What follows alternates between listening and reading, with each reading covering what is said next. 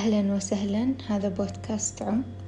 عندنا اليوم قصة ريا وسكينة أشهر سفاحتين في مصر.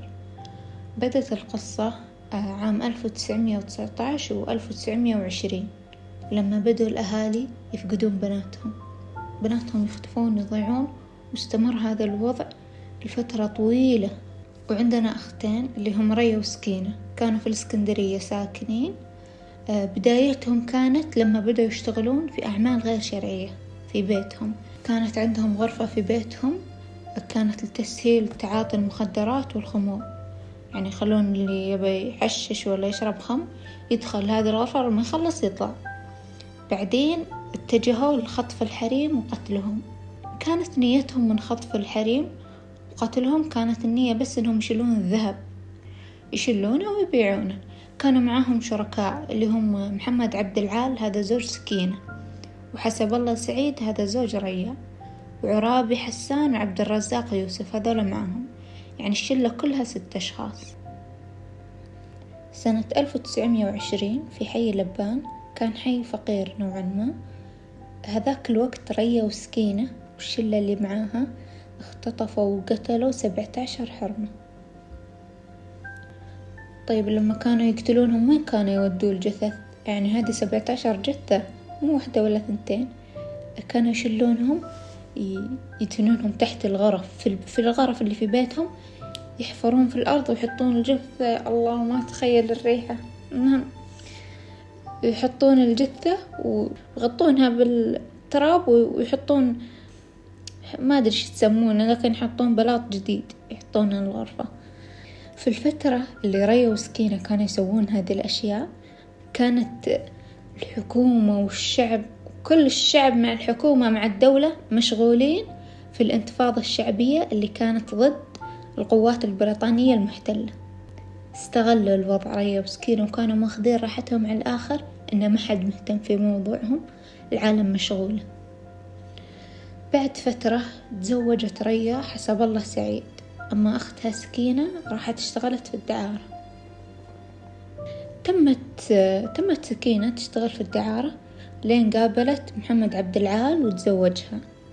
كان هذا الجروب يستهدف الأماكن الزحمة وأكثر مكان كان فيه زحمة وتكون زحمة حريم مكان اسمه زنقة الستات. كان تقريبا نفس السوق وكله حريم. وطبعا زمان الحريم يعني يلبسون ذهب قد ما يقدرون يوم يروحون مكان تستاهلون. كانوا يروحون هناك ويسولفون مع البنات والحريم عشان يكسبون ثقتهم. وأنا عندي بضاعة وأنا أبيع في البيت بضاعة أجود وأرخص من السوق. تعالي شوفي في البيت عندي بضاعة أكثر. كانوا أول ما يدخلون عينهم تروح على أكثر وحدة لابسة ذهب. فكانوا يمسكون أكثر وحدة عندها ذهب ويسولفون معاها يستدرجونها لين تروح البيت. وكانت تدخل الحرمة البيت وتقدم لها مشروب يكون داخله مخدر. ولما تتخدر الحرمة يدخل واحد من الرجال ويكتم أنفاسها بمنديل عشان تموت والباقي يثبتونها من العصابة. يثبتونها لين تموت. ويشلون ذهبها؟ في صايغ يعني شاك فيهم.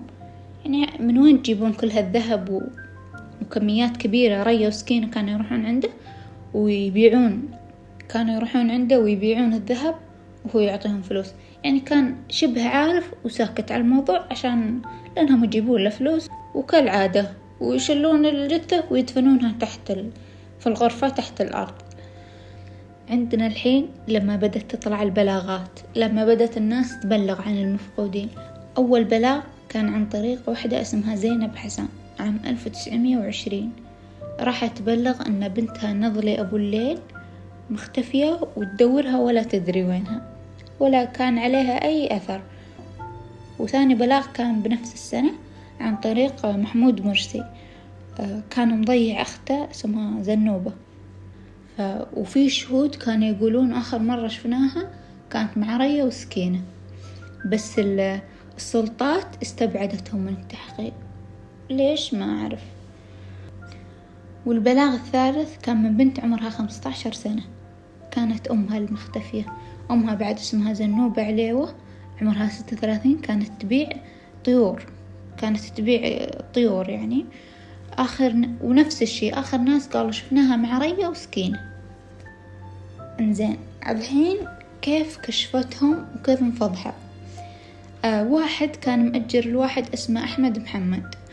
وأحمد وأحمد مستخدم هذا البيت كبيت دعارة. كلمه اللي اللي معطيه البيت قال له إنه يطلع منه لأنه خلاص يبي البيت. وطلع منه أحمد محمد أحمد. وكانوا زمان لما يبون ماي يحفرون في الأرض عشان يحصلون ماي. فدخل هذا اللي أجر البيت. يا الله تخيلت المنظر وحفر في وحفر في الغرفة. حصل عظام بشرية. على طول راح بلغ الشرطة وحققوا مع محمد أحمد. بس قالهم محمد أحمد إن هذه الغرفة كانت كنت أنا مأجرها لسكينة. اللي حفرتوا فيها هذه كانت مأجرها سكينة. وكانوا الناس ذاك الوقت ملاحظين ريحة البخور المو طبيعية اللي قاعدة تطلع من بيت ريا وسكينة. كانوا يبخروا الحارة كلها. فلما الشرطة والناس يسألونهم ليش إيش ليش كمية هالبخور الأوفر كانت تقول لهم كانوا يقولوا لهم إن يدخلون عندنا ناس إحنا حاطين غرفة للخمور ولما يخلصون نبخر عشان نوخر ريحة الخمر. ما ما أخذ بكلام هالشرطة وطلبوا تفتيش البيت.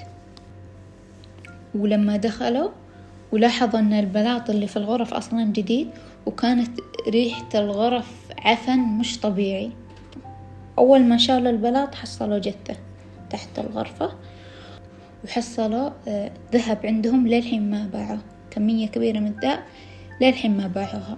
يعني أثبتت عليهم القضية. ذهب وجثة. وشلوهم الشرطة. وشل ولما شلوهم الشرطة راحت بنت ريا بديعة اسمها راحت اعترفت على أمها وخالتها. في ناس يقولون إنها كانت تحاول تخفف مصايب أمها وتحطها على خالتها عشان ما يعطون أمها عقاب قوي يعني. ملعونة. المهم حكموا على الشلة كلها بالإعدام. الستة كلهم إعدام.